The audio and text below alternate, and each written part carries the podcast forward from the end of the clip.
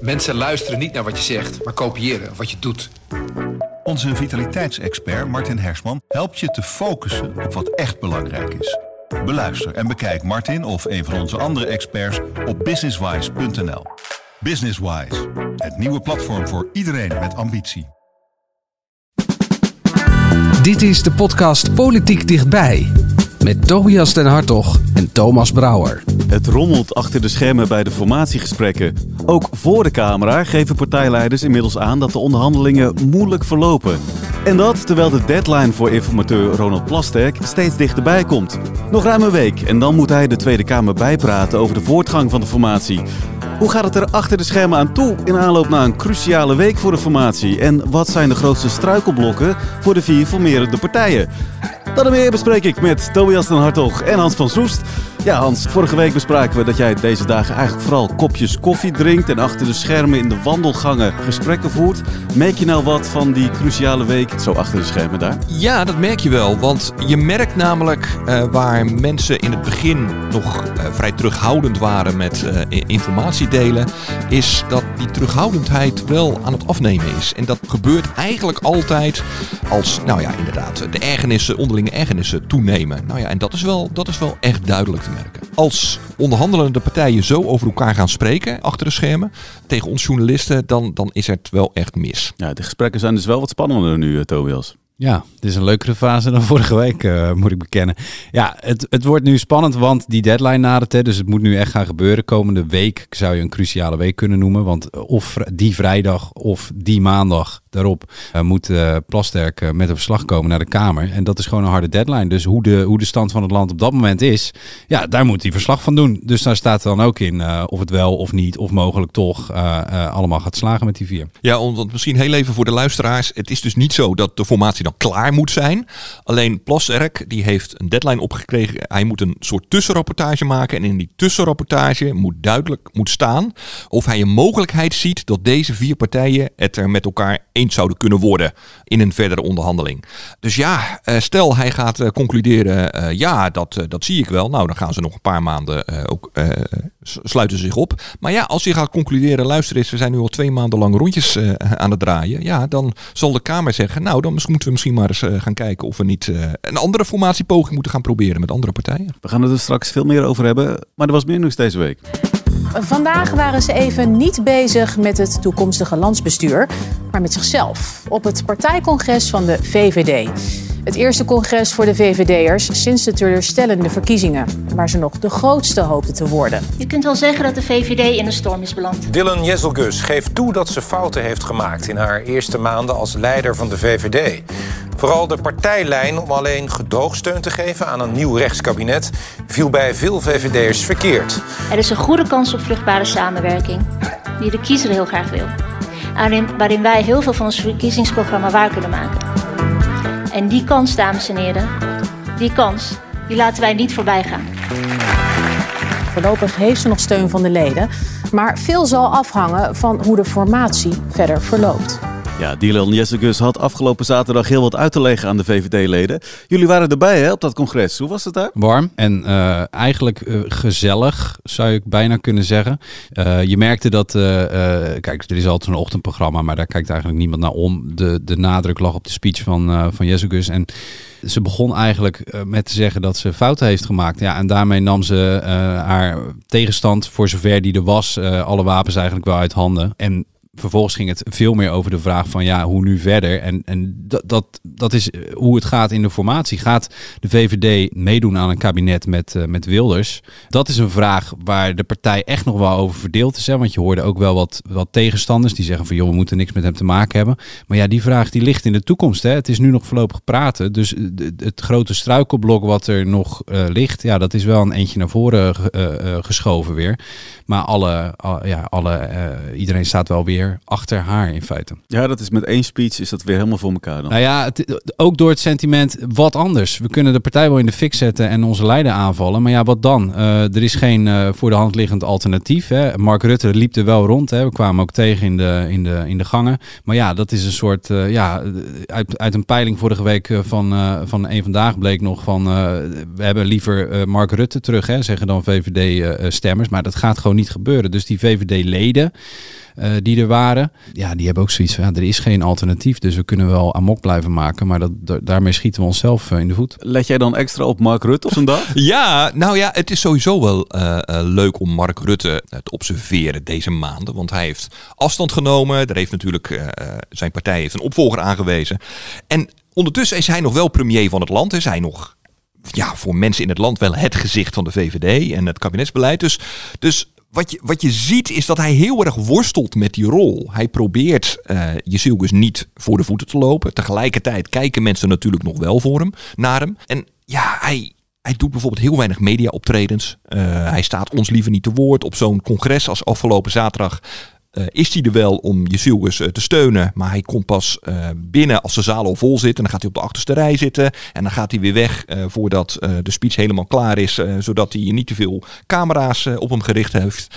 Ja, dat vind ik wel een leuk spel. Hij zei ook bij het binnenkomst, ehm, Tobias stond daarnaast. Uh, wat zei hij ook weer, Tobias? Iets heel leuks over. Uh, hij kon niet, hij wilde Jezielkus niet uh, voor, de, voor de voeten lopen. Want zei hij, ik ben al weg. En ik kan hier niet met mijn in een openstaande lijkkist vooraan ja. in de, in de zaal. Ja, het was, een, het was een smakelijke vergelijking. Hij zei van, uh, ja, het is al moeilijk genoeg voor haar dat mijn, uh, dat mijn kist met mij erin uh, nog voor, voorop op het podium met, met de deksel eraf staat te borrelen. Ja, dat is natuurlijk waar. En, en bovendien, hij doet er alles aan om, om zielkus ook wel te helpen. Want hij, ik sprak hem dus even op de gang en toen zei hij ehm, dat die, een dag voor het congres is dan altijd een bestuursvergadering van de VVD. Dan komen alle bonzen bij elkaar. En daar gaf hij dan ook een speech, zei hij. En hij zei dat was zo ongelooflijk ja, dat raakte iedereen in het hart. Dat ging over haar intrinsieke motivatie om de politiek in te gaan. Nou, hij zei, er was werkelijk niemand in die zaal die het droog hield. Het was zo mooi. Hij zei, dit heb ik misschien één keer eerder uh, meegemaakt in mijn hele carrière met, met Erika Terpstra, zei hij. Ik weet niet, geen idee wat hij daarmee bedoelde. Hij zei, ja, dat was zo waanzinnig, ongelooflijk. Maar toen sprak ik een verslaggever van eh, NOS Radio, Wil, uh, Wilma Borgman. En die zei, ja, ik was daarbij kolder. Niks gezien. Geen traan gelaten daar. Werkelijk apenkool. Niet waar.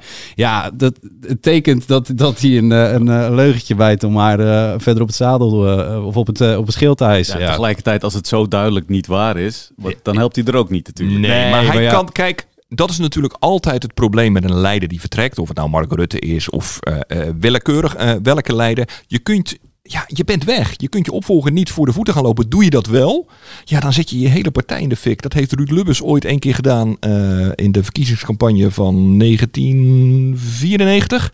Toen hij ineens vlak voor de verkiezingen zei... ja, ik ga niet op mijn opvolger stemmen, maar op de nummer drie. Uh, dat was toen Ernst Ballin. Ja, dat, de partij ontplofte. En deed het heel slecht toen bij de Even terug naar uh, Jezelgus. Zij, uh, zij had het dus vooral ook over de toekomst. Hoe moeten we nou verder? Dan spreekt ze zich dan niet echt uit of ze blijft bij dat voornemen om alleen te gaan gedogen. Hè? Dat laat ze een beetje in het midden. Waarom doet ze dat? Ja, handen vrij houden. Kijk, ze zei in de speech ook duidelijk van ik heb uh, die gedoogrol vrij snel heb, ik, heb ik die genoemd. Maar dat was vooral vanuit het, de gedachte we hebben ongelooflijk op ons lazen gehad van de kiezer. Hè? Tien zetels verloren. Het moest duidelijk anders. En dan kan ik niet zomaar ineens weer normaal in een kabinet zoals altijd dus ze probeert nu een beetje haar handen weer vrij te spelen. Van ja, uh, we willen in, dit kabinet en in welke vorm. Dat moeten we dan nog maar zien. Dat is wel een risicovolle uh, strategie, denk ik. Omdat er zijn. De VVD moet je eigenlijk zien als drie soorten VVD. Je hebt de VVD van de stemmers, die zijn rechts, die willen echt wel uh, dat ze iets met Wilders gaan doen. En bijna wel volwaardig in het kabinet is mijn indruk en die van de VVD ook. Dan heb je de VVD-leden. Die zijn nou iets minder rechts, maar nog steeds best wel rechts. Die willen eigenlijk ook dat het iets gaan doen met Wilders. Maar dan heb je de fractie. En die is best wel links. En die zou je toch ook eh, moeten eh, overtuigen om met Wilders in zee te gaan. Dus ik kan me zo voorstellen dat Jezielkus ergens schippert tussen die drie VVD's. En dat ze denkt, ja, hoe meer ik mijn handen vrij heb, en dan kunnen we later wel, eh, wel beslissen. Voorlopig alle kikkers in de kruiwagen houden. En dan Ja. maar kijken. Kijken waar het op uitdraait. Het kan natuurlijk ook nog zo zijn dat gaandeweg de rit een andere partij breekt en waardoor het helemaal niet mogelijk wordt. Dus ja, je hoeft het nu ook nog niet zo hoog op te spelen. Wat ik wel opvallend vond, tijdens die speech brak ze overigens niet met haar lijn. Hè. Ze zei niet ineens van, eh, oh sorry, ik heb het verkeerd gedaan. Eh, eh, ik wil misschien toch nadenken om eh, als partij deel te nemen aan het kabinet. Dat zei ze allemaal niet. Maar door het feit dat ze niet herhaalde dat ze wilde gedogen, werd ons wel na afloop in eh, eh, gefluisterd door mensen uit haar entourage. Hebben jullie wel begrepen dat ze dat eigenlijk bedoelde te zeggen? Dus het is toch een soort van boodschap die ze wel impliciet wilde afgeven. Eh, richting de onderhandelingstafel. Maar ook weer niet heel hard wilde herhalen. Nou Ja, het zegt iets over de klem waar zij in zit binnen haar partij. Maar wacht even, jullie worden dan als verslaggevers, als journalisten, worden jullie dan door mensen om je ziekels heen nog even gewezen op, hé, hey, ze zei eigenlijk dit niet. Dat betekent dus eigenlijk dat. Ja, zo van, nou heb je wel begrepen dat dit ongeveer het signaal was. Ja, komt Maar wel... zodra je dat opschrijft, kan zij natuurlijk altijd zeggen, ja, dat heb ik niet gezegd. Ja, precies. Dus je moet daar zelf ook met een slag om de arm. En je moet er gewoon maar bij zeggen dat de entourage van je ziel het heel prettig vond dat dit de boodschap was. Ik bedoel, zo transparant moet je het maar maken. Maar nee, er wordt zeker wel eh, even subtiel. Tussen aanhalingstekens eh, eh, af en toe wat, eh, wat gezegd. En dat, dat- zo gaat het bij alle partijen hoor. Dat is altijd eh, ja, de subtekst eh, erbij. Heeft de entourage ook nog even gewezen op die eh, kleine sneer naar Geert Wilders van Jezus? Ja, was dat nou? ik bedoel, daar, Misschien heel even Nou, luisteren. laten we horen. Als er zoveel op ons afkomt en zoveel gaande is, dan snap ik ook wel dat we soms de neiging hebben om heel hard tegen die problemen te roepen dat ze er niet hadden moeten zijn. En bij alles wat tegen zit, even de telefoon te pakken en een boos bericht de wereld in te sturen. En het lucht vast wel op, maar het lost niets op. En ik geef toe, als je dat heel vakkundig doet, kan je er zelfs de verkiezingen mee winnen. Ja, dat applaus heb ik niet zachter gezet. Dat was echt zo zacht, hè? Ja, daar reageerde Wilders dus weer op. Hè? Eh, die eh, stuurde meteen weer een boos tweetje eh, eh, de wereld in. waarin die eh Jezielkes zuurheid verweet. En dat vond ik dan wel weer echt heel kleinzielig. Sorry, maar we hebben het hier over PVV-leider Geert Wilders. Die echt alles en iedereen de maat neemt eh, eh, op, op Twitter of X of hoe we het eh, noemen tegenwoordig. En dan is dit overigens een, een, een, nou, een sneer, kan je dit niet eens noemen. Het is een, een, een speldenprikje. En daar reageer je dan zo op. Dan denk ik, mijn hemel zeg, grow up. Maar verklaar het eens, want Jessicus werkt al, hè, spreekt al langer met Wilders. Ze kent hem. Ze weet dat dit soort dingetjes misschien... Nou, ik weet niet hoe bewust en of ze over al die consequenties heeft nagedacht. Maar de, de, Wilders heeft natuurlijk de VVD de laatste tijd, en zeker met die spreidingswet, eh, al een paar keer de maat genomen voor de camera en ook op X. En, en Jezielkus heeft steeds herhaald, joh, wat hij allemaal zegt, ik ben niet van suiker. Nou, ik denk dat zij dacht, joh, ik ben niet van suiker, dan hoef jij het ook niet te zijn. Ik zet er gewoon zo'n grapje in. Nou, vervolgens bleek hij van suiker en dan moet zij dan weer op reageren. Ja, het is ook een beetje spel natuurlijk. En Wilders zei eh, na afloop van zijn tweets ook van, "Joh, jongens, dit is ook nog steeds, hè, we zijn aan het onderhandelen, maar we zijn ook nog steeds politici. Hè? En zij- zijn stijl van politiek bedrijven is gewoon eh anderen de maat nemen. Ja, en dan... eh, En heel hard blazen. Vooral heel hard blazen op alles wat maar kritiek is. Nou ja, dat hebben we gezien eh, eh, bij Donald Trump. En dat kan heel effectief zijn. staat met de zuurgraad binnen de formatie? Ehm, ik heb er eigenlijk niet heel veel meer over te zeggen. Dat dit hoort ook gewoon bij de politiek, jongens. Een beetje openheid en transparantie. Het zijn eh, spannende tijden deze weken. Er staat eh, veel op het spel. Ehm, ehm, en het zijn harde onderhandelingen. Ik kan het niet mooier maken dan het is. En we zullen kijken eh, wat er uitkomt. Hartstikke bedankt. Meneer Wilders vindt u zuur.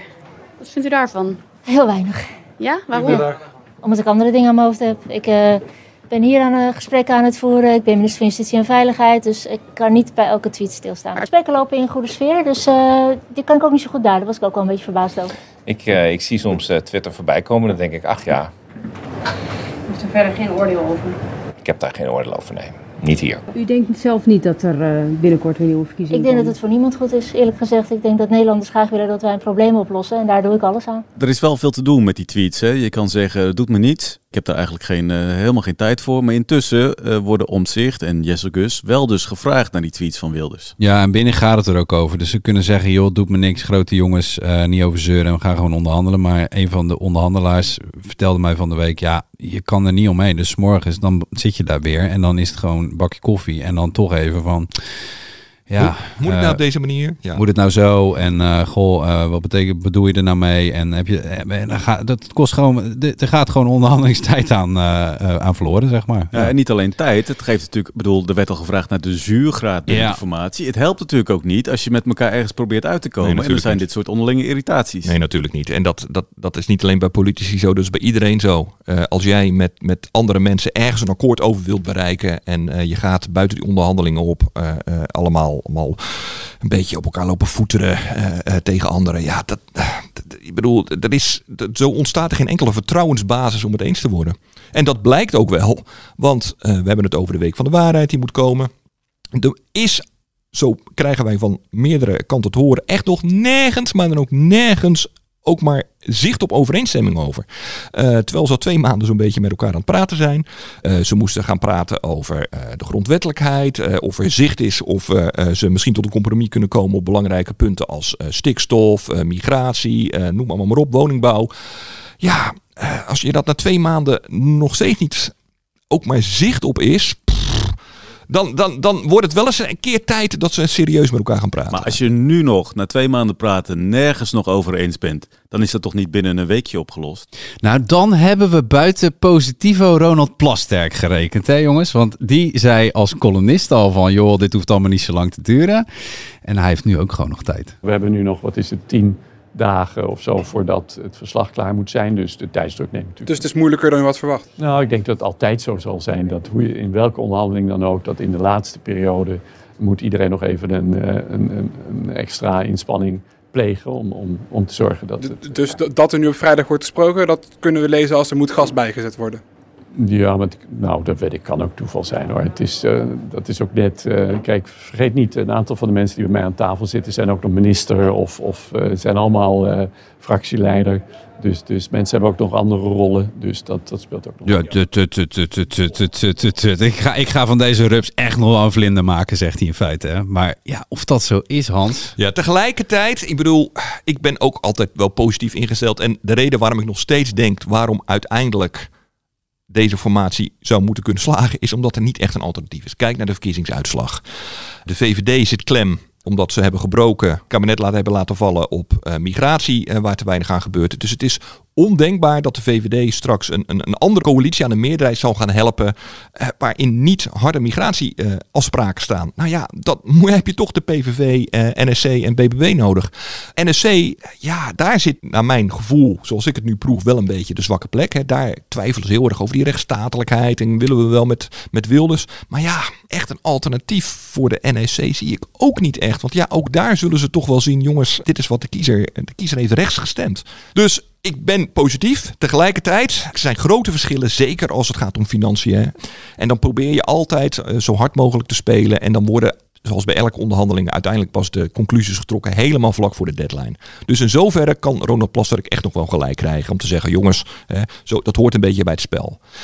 Maar dan helpt het natuurlijk niet als het onderlinge vertrouwen zo laag is. Als ze het nergens echt over eens worden, ja, dan wordt het wel heel lastig werken. Waar zit dan het pijnpunt? Nou ja, bij, ik denk toch, maar dat is nogmaals, ik zit net in die onderhandelingstafel. Hè. Ik kan alleen eh, eh, kijken naar wat er gebeurt en naar wandelgangen. mensen die ik spreek. Ehm, eh, dan zit denk ik toch de pijn vooral bij NSC van Pieter Omtzigt. Omdat die partij intern überhaupt al heel erg verdeeld is over samenwerking met Geert Wilders. Die partij eigenlijk eh, eh, in de verkiezingscampagne al heeft gezegd dat ze het liefst voelen voor helemaal niet een, een traditionele meerderheidscoalitie, maar iets van een eh, zakenkabinetachtig ding waarbij eh, de Tweede Kamer eh, eh, op allerlei verschillende terreinen steeds naar wisselende meerderheden moet worden gezocht. Dat vinden ze democratischer. Daar zijn, zijn ze vrij principieel in. Ja, dat maakt het natuurlijk best lastig om met zo'n partij afspraken te maken. Ehm, en we horen ook wel eh, dat. ehm, dat, dat hoort sowieso een beetje bij, eh, bij, bij Pieter Omtzigt en bij, bij zijn partij. Ja, die zijn niet zo heel erg snel van ja of nee zeggen. Die willen graag eh, veel meer informatie. die willen horen hoe zit het nou precies. Ja, en dat, dat zorgt wel tot wat ehm, ergernis bij, eh, bij de andere mensen aan de tafel. Ja, ook voor de camera's zou het om zich nog een slag om de arm. Nou, u heeft van mij niet al die eh, optimistische quotes iedere keer gezien. Eh, ik vind het sowieso een, eh, een, een ingewikkeld proces. Eh, dat is het al. Ja, dat, dat, dat kun je zien op het moment dat je ziet hoe verschillende partijen zijn. Je iets zeggen over uh, uw uh, gevoel over de kans van slagen? Dat, vind ik, dat vind ik heel lastig. En als statisticus zou ik altijd kunnen zeggen dat ligt tussen 0 en 100% met een onzekerheidsmarge. Maar um, dat is een beetje flauw. Als ik dacht dat er geen mogelijkheid was om iets te doen. En ik denk dat de verkiezingsuitslag voor ons een opdracht geeft om ervoor te zorgen dat Nederland geregeerd gaat worden. En dat probeer ik nu al wekenlang aan tafel uh, te, duidelijk te maken hoe we dat met z'n allen zouden kunnen. En dat blijf ik ook duidelijk maken. En dat is onze belangrijke opdracht. Of er een garantie is dat dat slaagt, nee, die is er. Ja, misschien nog heel even, want ik leg nou wel heel erg de schuld bij NSC. Maar er zijn natuurlijk ook wel echt hele grote inhoudelijke verschillen tussen die vier partijen. Dat moeten we natuurlijk ook niet vergeten. Kijk, op het gebied van migratie denk ik dat de vier het best snel uh, eruit zouden kunnen komen. Maar ook daar dat is, is natuurlijk dus geen overeenstemming Nee, op, maar, maar er speelt wel iets meer in dit land dan alleen migratie. Hè. We hebben het over woningnood, we hebben het over stikstof. En we hebben het ook gewoon over financiën. Uiteindelijk, ik zei dat, ik heb het al eens eerder gezegd, politiek gaat uiteindelijk, zoals Mark Rutte dat altijd zo mooi zei, uh, kiezen in schaarste. Uh, er is één pot met geld. En daar moet heel veel mee gedaan worden in dit land. Daar moeten scholen van gefinancierd worden, dijken van verhoogd worden, uh, noem, politie van betaald worden. en ja, daar moet je het mee doen. En hoe je met die pot geld omgaat, daar denken de vier echt heel, heel verschillend over. Uh, uh, VVD en NSC die letten veel meer op de centen dan de PVV en BBB. Die vinden, nou, de staatsschuld mag best wel wat verder oplopen. Er zijn hele grote verschillen over de stikstof bijvoorbeeld. BBB, nou ja, die is een raison d'être, is zo'n beetje die stikstofwet moet van tafel. Maar van de week zei bijvoorbeeld in een landbouwdebat de NSC nog van luister eens even, die stikstofdoelen, ja, wat ons betreft houden we gewoon vast aan 2030. 2030, weet je nog, dat was die discussie uh, waarvan we dachten dat we daar al voorbij waren. Omdat in een vorige kabinet dat al uh, op losse schroeven stond. Maar ja, NSC zegt, luister eens even, we zitten met een rechterlijke uitspraak. We moeten echt iets doen. Nou ja, die inhoudelijke verschillen zijn echt heel groot. Als je het dan hebt over geld, dan werkt het natuurlijk ook niet mee dat drie van de vier partijen die nu met elkaar praten, hun plannen niet hebben laten doorrekenen. Nee, het is inderdaad een soort uh, blanco uh, beginnetje. Want normaal gesproken kun je, kun je die programma's dan een beetje over elkaar, hè, die doorrekening een beetje over elkaar heen schuiven. En zeggen van, nou ja, PVV wil bijvoorbeeld eigen risico uh, afschaffen. Nou, dat is heel duur. Maar daar, heb je dan een prijskaartje voor. En dat zet je dan af tegen het plan van een ander. Maar ja, PVV heeft een vrij beknopt verkiezingsprogramma geleverd. NSC had wel een financiële doorrekening. Maar daar hebben we het al eens eerder over gehad. Die was ook niet heel dik. BBB heeft niet laten doorrekenen. En VVD heeft heel wat bezuinigingen ingeboekt. Ja, zie dat maar eens bij elkaar te brengen. Dus dat is best wel lastig. Nog los van de vraag of je dan zeg maar ervaren onderhandelaars hebt ook. En nou ja, wat je zegt, de klachten over Piet Omzicht, twijfelt hij, uh, zegt geen ja, zegt geen nee. Ja, dat maakt, dan, uh, dat maakt het wel een, een, een, moeilijke mix, denk ik, om, om ergens te komen. We hebben hier met persoonlijkheden te maken ja. die het bemoeilijken. Inhoudelijke verschillen. Inhoudelijke ja. verschillen. Principiële verschillen. Ja. Een volgend punt is misschien ook de economische kennis bij bepaalde partijen. Ja, daar is daar. Nou ja, ik, dat, ik denk dat bij BBB, daar werd over geroddeld. Hè. Bij BBB uh, zouden ze allemaal niet weten hoe dat met financiën werkt. Nou ja, Henk Vermeer zei erover, joh, het is, het is duidelijk, uh, Caroline uh, heeft dyscalculie. En ik ben zelf ook geen, ben ook lang met andere dingen bezig geweest dan de centjes. Maar het werd, het, het werd ook wel een, een, klein beetje overdreven door die andere partijen, denk ik. Het was vooral dat daarover geroddeld wordt. Dat lijkt me het nieuws. Als je lelijk over elkaar gaat doen, ja, dan, uh, dan wil je iets stuk maken kennelijk. Nou ja, volgens mij is die, is die discussie wel een beetje uh, uh, gaan liggen. Maar ja, daar komen ze wel uit. Alleen de vraag is, wil je het en vertrouw je elkaar genoeg om, om, om tot een akkoord te komen? Want dat is altijd geven en nemen. En je kan zeggen van de voorgaande kabinetten wat je wil, maar dat is er dus altijd, nou heel lang oké, maar wel altijd gelukt. En dat ging toch wel vaak op basis van vertrouwen. En als er nu niemand is die een eerste stap zet, nou oké, ik geef toe op dit punt, dan krijg jij ook iets. Ja, dan wordt het best wel lastig. Ik, wij zagen op het congres Johan Remkes rondlopen. En ik weet nog aan, de, aan het einde van de onderhandelingen van het vorige kabinet, toen hij dat in die eindfase deed, dat hij zei van op een gegeven moment met de vuist op tafel sloeg en zei van en nou gaan we allemaal eens een keertje normaal doen. Nou op het gezeik, het land moet bestuurd worden. Dat je letterlijk die woorden. Ja, misschien dat Plasterk dat deze week ook wel ergens gaat doen. Want je moet ergens iets forceren. Zou dat de manier zijn? Vuist op tafel, jongens. Nu gaan we even normaal doen. Ik weet niet wat werkt bij die vier. Ja, dan moet je echt bij zitten. Om die, die sfeer een beetje te proeven, denk ik. Ja. En dat de onderlinge verhoudingen al een beetje onder druk staan. Dat was niet alleen te merken aan Jezekus en de Twitterberichten van Geert Wilders.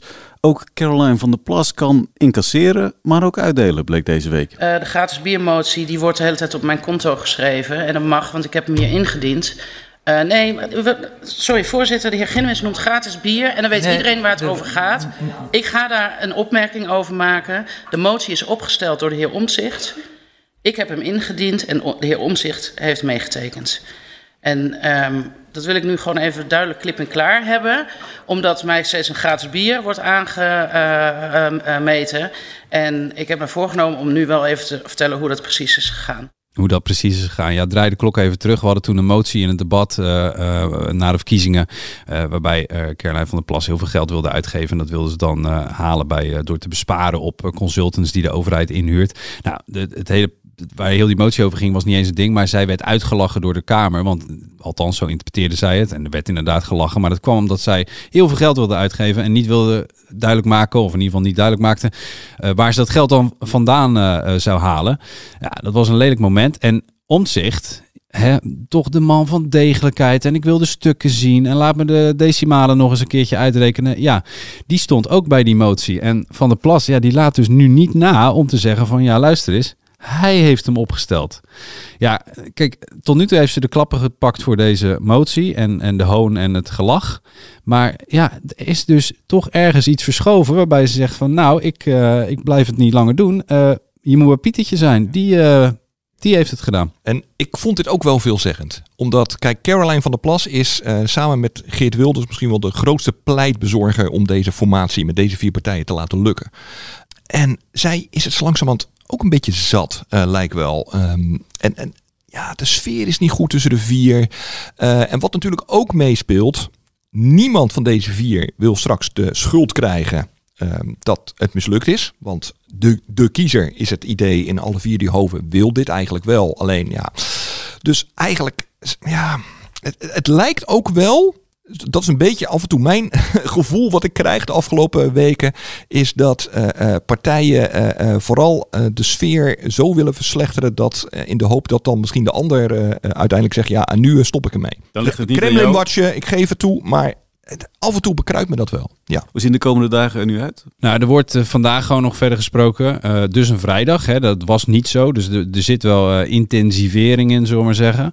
En Plastek heeft gezegd, we, we, praten ook komende week nog. Op zich wordt dat dan, nou, lijkt mij de week van de waarheid. Want aan het einde van die week of die maandag erop. En ik denk die maandag erop. Dan heeft hij nog een weekendje om te schrijven. Zal hij met het verslag komen. Er is ook nog in die motie staat dat hij ook andere partijen uh, uh, zou uitnodigen. Om te kijken of er breder draagvlak is voor waar deze vier mee willen komen. Dat is ook interessant. Want dan moeten ze dus misschien wel iets laten zien. Of in ieder geval iets vertellen met uh, waar ze mee bezig zijn aan anderen. Als ze die mogelijkheid benutten. Dus dat geeft ook weer uh, lekgevaar en uh, gevaar op reacties en dergelijke. Dus het wordt best wel een, best wel een spannende week, denk ik. Ja, dat beloven de nog spannende dagen te worden dus. als we dan kijken naar volgende week? Het worden sowieso spannende dagen. Want er zijn er ook nog twee momenten komende week. En dat is allemaal heel procedureel. Je moet je dan voorstellen, hè, die Tweede Kamer heeft allemaal van die kleine commissiezaaltjes. Nou, in een van die commissiezaaltjes komen de Kamerleden ook bijeen om te praten over hoorzittingen in de Tweede Kamer. We hebben namelijk een tijd geleden een motie aangenomen door de Tweede Kamer dat we de komende ministers en staatssecretarissen, of in ieder geval de ministers, um, gaan uitnodigen voor hoorzittingen voordat ze aan hun baan beginnen. Dus dan zou je kunnen vragen van, goh, nou, wie bent u eigenlijk en wat heeft u in het verleden gedaan? Oh, en wat heeft u dan met landbouw? Nou, hoe dat precies gaat, hè, dus dat doen ze in de Europese Commissie, je kent het in Amerika. En hoe dat precies uh, zal gaan, dat wordt de komende week besproken in een commissievergadering. Uh, uh, want de Tweede Kamer heeft daar nog niet echt spelregels over vastgesteld. Maar wat wel leuk is, is ja, wordt het een kennismaking van, goh, nou leuk, heb je hobby's? Of wordt het, ja, maar wacht eens even, jij hebt drie jaar geleden in een column zus of zo geschreven. leg ze flink op de grill.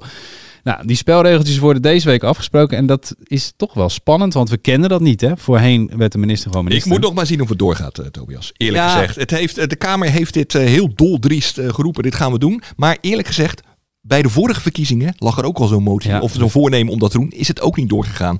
Het, rare namelijk aan die hoorzitting is, het klinkt allemaal heel stoer. Hè? Oh, we gaan ministers eh, voordat ze benoemd worden door de koning eens even aan de tand voeren. Alleen die Kamer heeft daar geen ruk over te zeggen. De Kamer, die kan, de kan er die oppositiepartijen kunnen op een kop gaan staan. Maar als die coalitiepartijen zeggen, luister eens, wij eh, eh, schuiven Pietje Puk naar voren als minister van Landbouw, dan wordt Pietje Puk het. En dat is het verschil bijvoorbeeld met de Europese Commissie. commissie. Daar is veel meer afstand tussen eh, het Europees Parlement en die commissie. Eh, waarbij eh, dat Europees Parlement ook echt kan zeggen, iemand weg kan stemmen. Hè, kan zeggen, jij wordt niet benoemd. Ja, dat, dat hebben wij niet in ons systeem. Onze regering wordt, onze ministers worden aangewezen vanuit ja, een meerderheid van de Tweede Kamer. Weet je wel, die maken er afspraken over. En ja, het, het, het wordt een beetje een poppenkast. En ik denk dat ze daar zelf, dat zelf ook wel weten. En daarom denk ik dat het niet doorgaat. Maar de reden dat ze dat willen doen is omdat ze... Ze willen eigenlijk weten wat voor vlees je in de kuip. Ik, het voorbeeld, beste voorbeeld is denk ik minister Grappenhaus. Hè. Die werd minister van Justitie en Veiligheid. Maar die was daarvoor columnist bij het Financieel Dagblad. En die schreef vaak over politiek. En die had Wilders de maat genomen en Pechtold de maat genomen. Ja, en eigenlijk, eh, hij werd aangesteld. En dan de eerste keer dat je een keer een debat hebt met zo'n man. Dan, ja, dan gaat het over eh, justitie en veiligheid. En de begroting van, eh, van zijn toko. Maar dan ga je niet vragen van... Hoor, je schreef toen dat jij eh, Pechtold een eikel vond. Hoe zit het nou precies?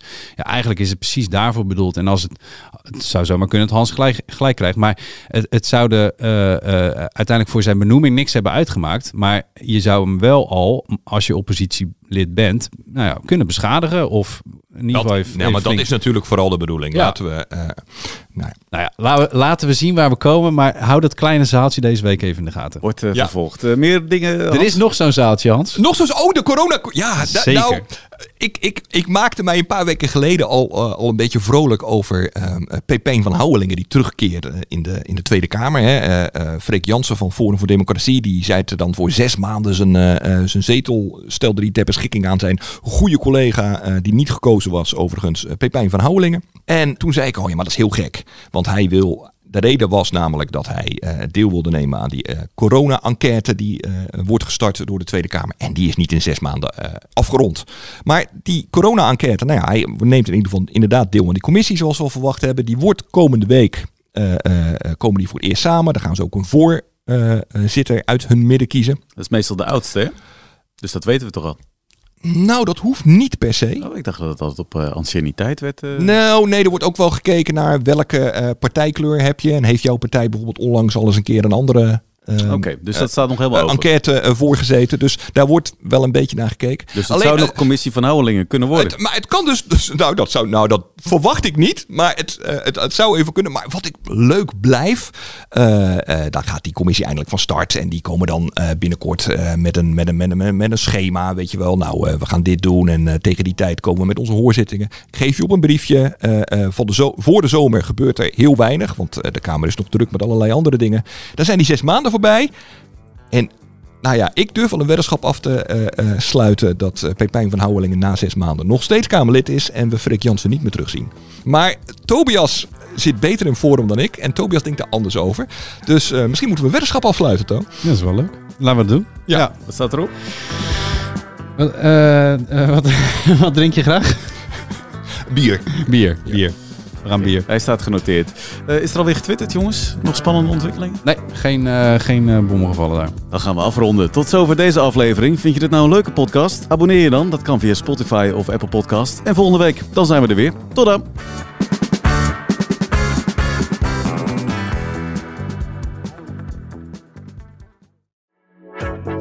Een goede spreker herken je aan de Q&A aan het eind. Onze lifehack-expert Martijn Aslander geeft je adviezen waar je echt wat aan hebt. Beluister en bekijk Martijn of een van onze andere experts op businesswise.nl. Businesswise, het nieuwe platform voor iedereen met ambitie.